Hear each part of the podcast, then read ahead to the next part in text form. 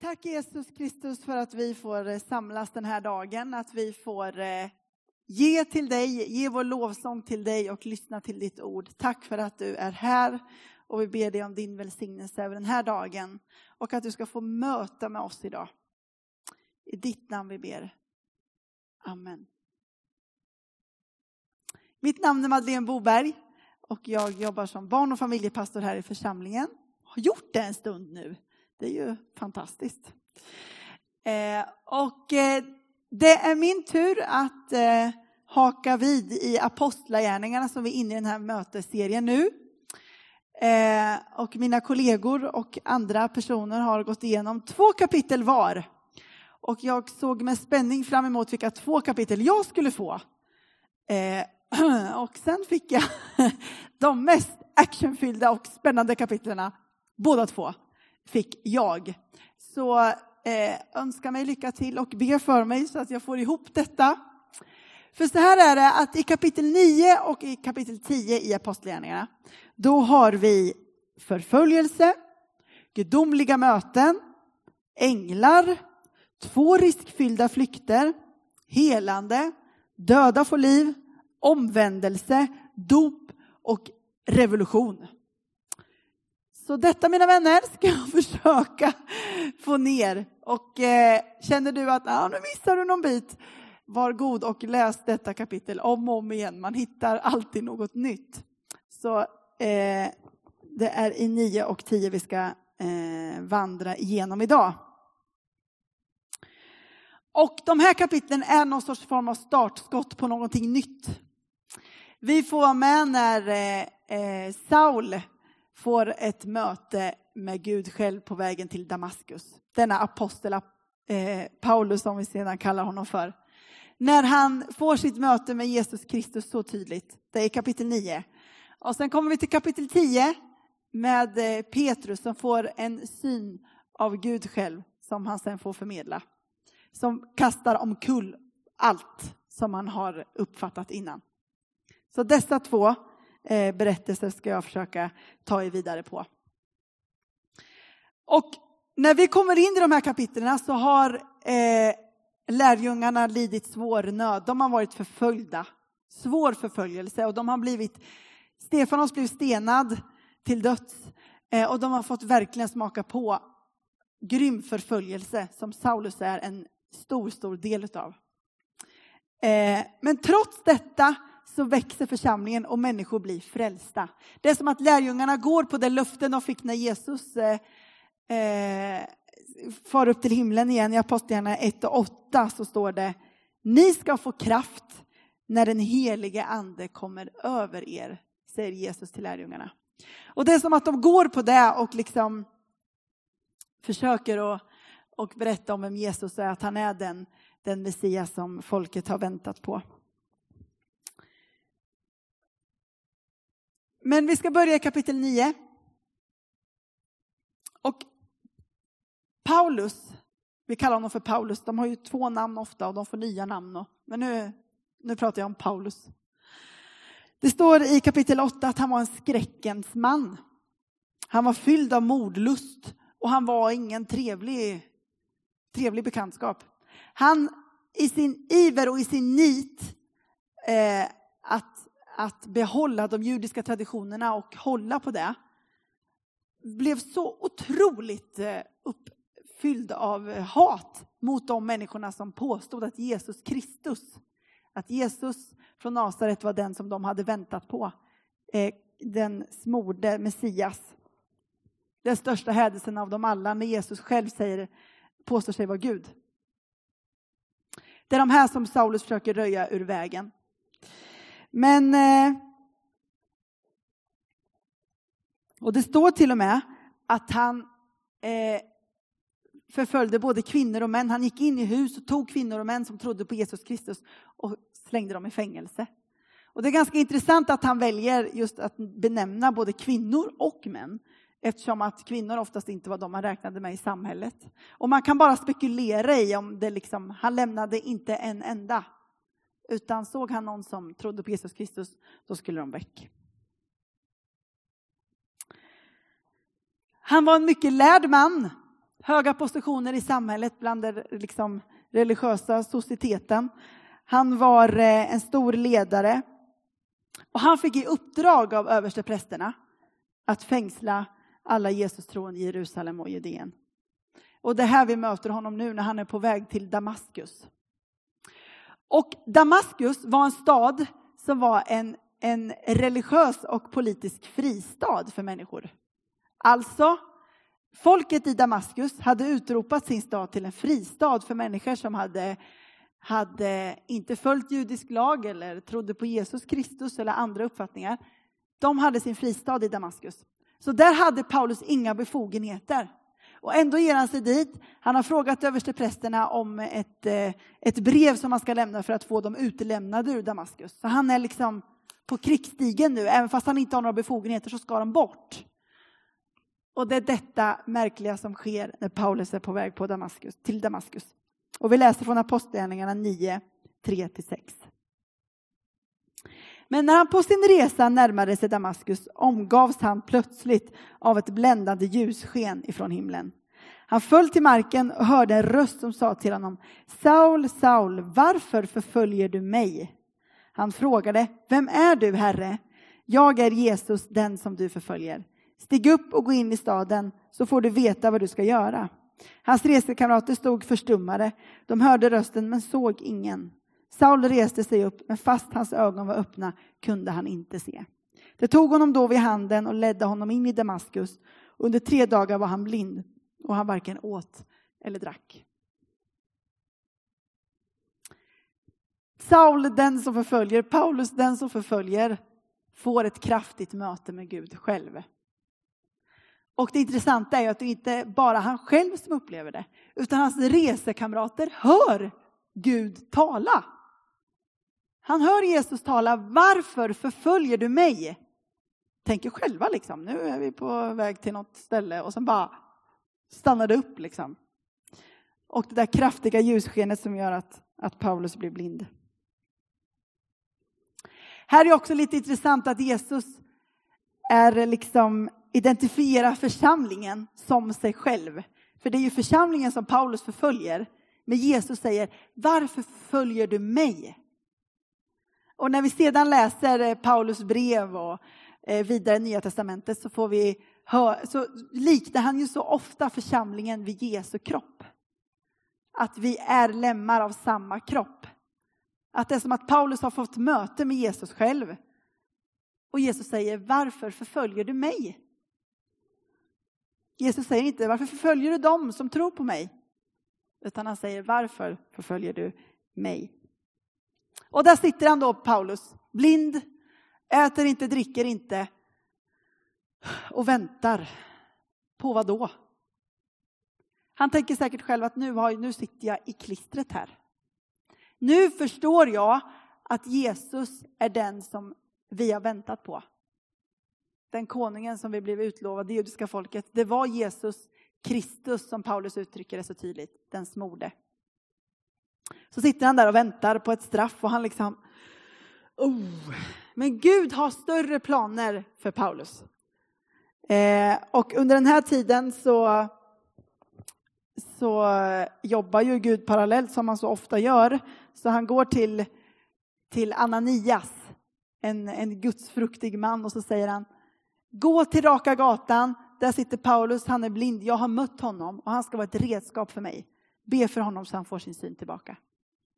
Och Ananias, nej, alltså vänta här nu lite. Det är Paulus du pratar om. Jag tänker inte gå dit, det är ju med livet som insats liksom. Så Gud behöver övertyga Ananias några gånger och till slut så, okej, okay, jag går dit. Han går till Paulus och säger att Gud har sänt mig till dig och jag ska be för dig och du ska få bli frisk. Så i vers 15 kan vi läsa så här. Men Herren sa till honom, gå, honom har jag utvalt till mitt redskap. Han ska föra ut mitt namn till hedningar och kungar och Israels folk och jag ska låta honom veta hur mycket han måste lida för mitt namns skull. Alltså Paulus, den som förföljer, blir själv den som till slut också kommer uppleva förföljelse. Så Ananias lägger sina händer på Paulus och han får sin syn tillbaka. Och då tänker jag spontant så här, om jag inte har ätit eller druckit på tre dagar, då är man ju ganska hungrig. Men det står att Paulus, han var så ivrig på att, att följa Jesus Kristus så han döpte sig först. Sen åt han.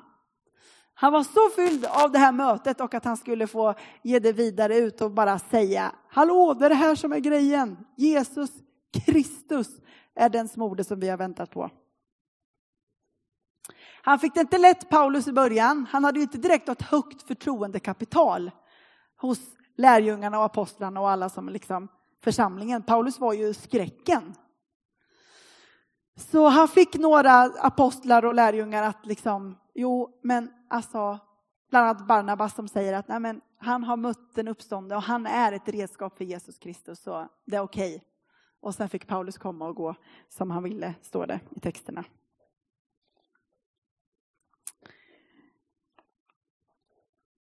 När eh, nu får församlingen en liten stund av vila. Det står så här i Apostlagärningarna 9 och 31 så står det.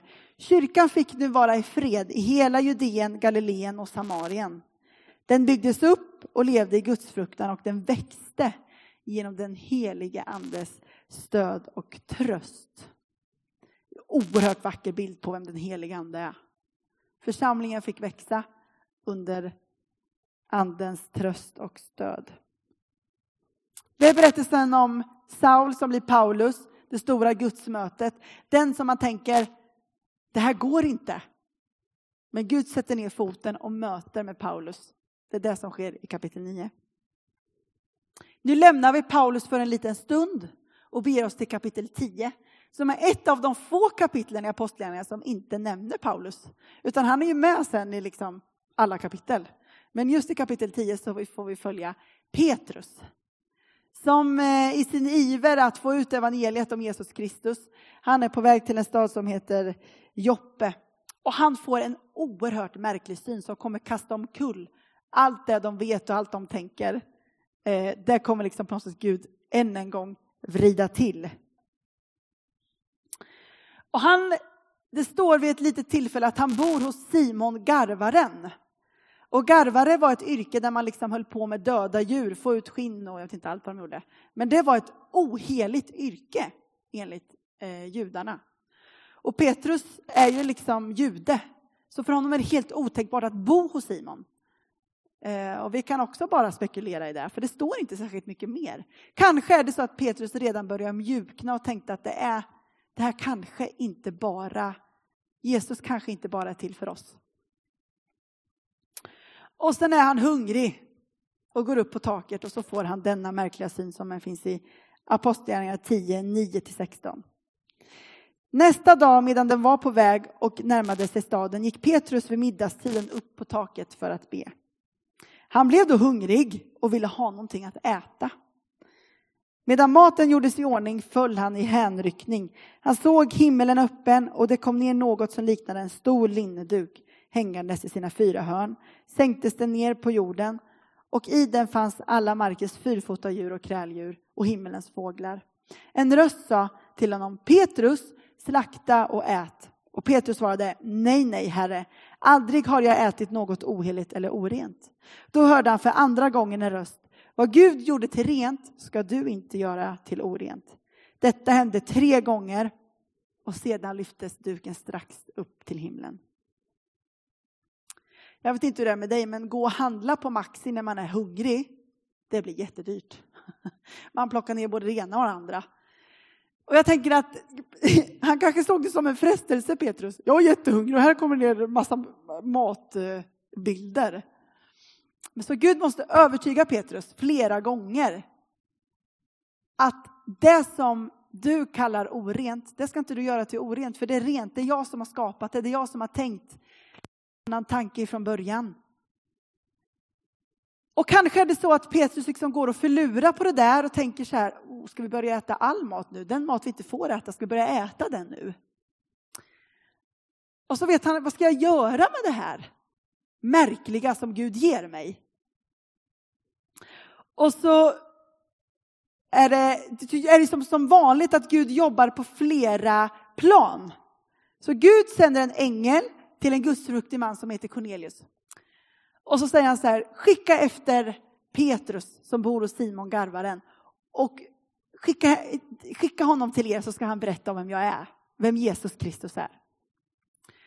Så det kommer några män och knackar på till Petrus och säger du ska komma med oss och så ska du berätta. Och Petrus följer med och det är då det på något sätt liksom poletten faller ner. Aha. Det kanske inte bara handlar om mat, utan när den helige ande fyller Petrus så förstår han att Jesus Kristus inte bara är till för oss judar, han är till för alla. Och då är det som att de här texterna faller ner, tänker jag, för Petrus. För som så ofta många gånger när man läser Nya Testamentet så finns det liksom profetier i Gamla Testamentet som, som belyser vem Jesus Kristus är och vem, vem Gud är. Och i Joel, profeten Joel i Gamla Testamentet i kapitel 2, vers 28–29, så står det så här. De ska, det ska komma en tid då jag utgjuter min ande över alla. Era söner och döttrar ska profetera, era gamla män ska ha drömmar, era unga män se syner. Också över slavar och slavinnor skall jag utgjuta min ande. En jude kunde inte vara slav. Alltså utgjuter Gud sin ande över allt folk. Så det är som att, att Petrus liksom börjar förstå, hjälp, här är ju värsta grejen. Det är liksom, Jesus Kristus är till för alla. Och Paulus som, som blev mött nu börjar liksom evangelisera utanför den judiska kontexten för att människor ska få möta Jesus Kristus. Och Petrus förstår också att det är liksom Gud är till för alla människor. Han är hoppet för den här världen och han är räddningen för alla. Och i vers 10.34 så säger Petrus det där underbara. Nu vet jag att Gud gör inte skillnad på människor. Gud gör inte skillnad på människor. Wow. Ibland gör man ju skillnad på människor. Eller gör vi det? Men Gud gör inte skillnad på människor. Så vad vill de här två kapitlen säga oss? Har de någonting gemensamt? Är det samma liksom budskap? jag skulle vilja säga att de har någonting gemensamt. Därför att för Gud är ingenting omöjligt. Gud, han mötte Paulus, den man tänkte att sist av alla som du skulle möta. Och för Gud är liksom, Gud är till för alla. Så ingenting är omöjligt för Gud. Och jag vet inte vad du sitter med här i ditt liv eller liksom vad du bär på insidan. Och ibland står vi för situationer som det känns, det här är omöjligt. Gud ser inte mig, Gud hör inte mig. Till dig vill jag säga idag att för Gud är ingenting omöjligt. Han mötte terroristen Saul och han fick bli ett redskap för Kristus själv. För Gud är ingenting omöjligt. Jag lyssnar ibland på en del poddar och jag lyssnar eh, just nu på en podd som, eh, som Sebbe Staxet har som heter Helt ärligt. Det är ett poddtips. Mycket, mycket intressant. Den här eh, Sebbe Staxet, rapstjärnan som eh, levde i djup kriminalitet och drogmissbruk och hemskt mörker får möte med Jesus Kristus själv och blir frälst, upprättad, helad och får vara ett fantastiskt verktyg idag. Och när man lyssnar, han tar dit liksom gamla kompisar, kändisar, gäster som har intressant livshistoria. Och när han får sitta ner och prata med sina kompisar, han har suttit med kåken med, eller några som har sett honom, de har suttit och knarkat ihop och allt möjligt. Då är det som att de liksom, men Sebbe, innan var du så här och sen din förvandling som är till nu. Att det blir synligt för människor att ingenting är omöjligt för Gud. Det andra de här kapitlen vill säga är att Gud är till för alla människor. Han är till inte bara för det utvalda folket. Han är inte bara till för gudsfruktiga och fina människor. Han är till för alla, för Gud gör ingen skillnad på människor. Vilket hoppets evangelium vi har. Det är helt otroligt. Att eh, evangeliet är till för alla människor, för Gud har kallat alla vid namn. Och i en sån här kontext när det här skrivs, då är det oerhört revolutionerande. Jag tänker att tron på Jesus Kristus är revolutionerande. Den är till för alla.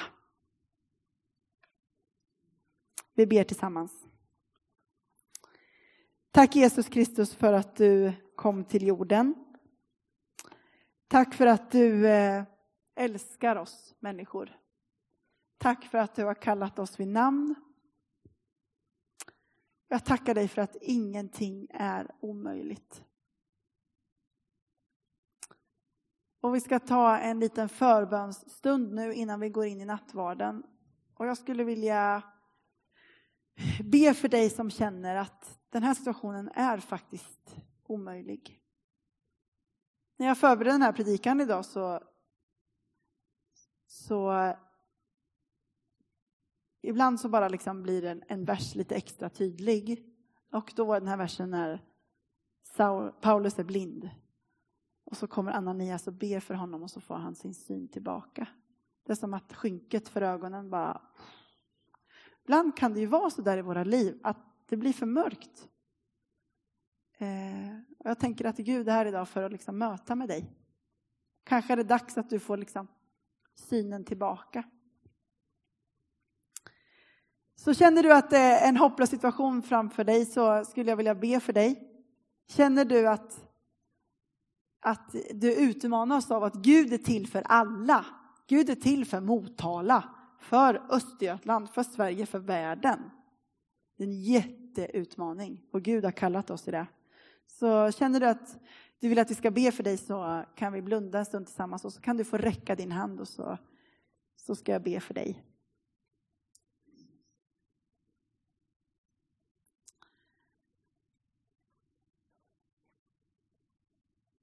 Tack Jesus Kristus för att du ser de händer som har räckts, Herre. Tack för att du är den vi får hoppas på, den vi får lita på, den vi får bli burna av.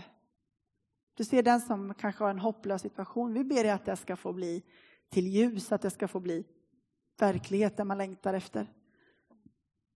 Herre, du ser den här också otroliga utmaningen att du är till för alla.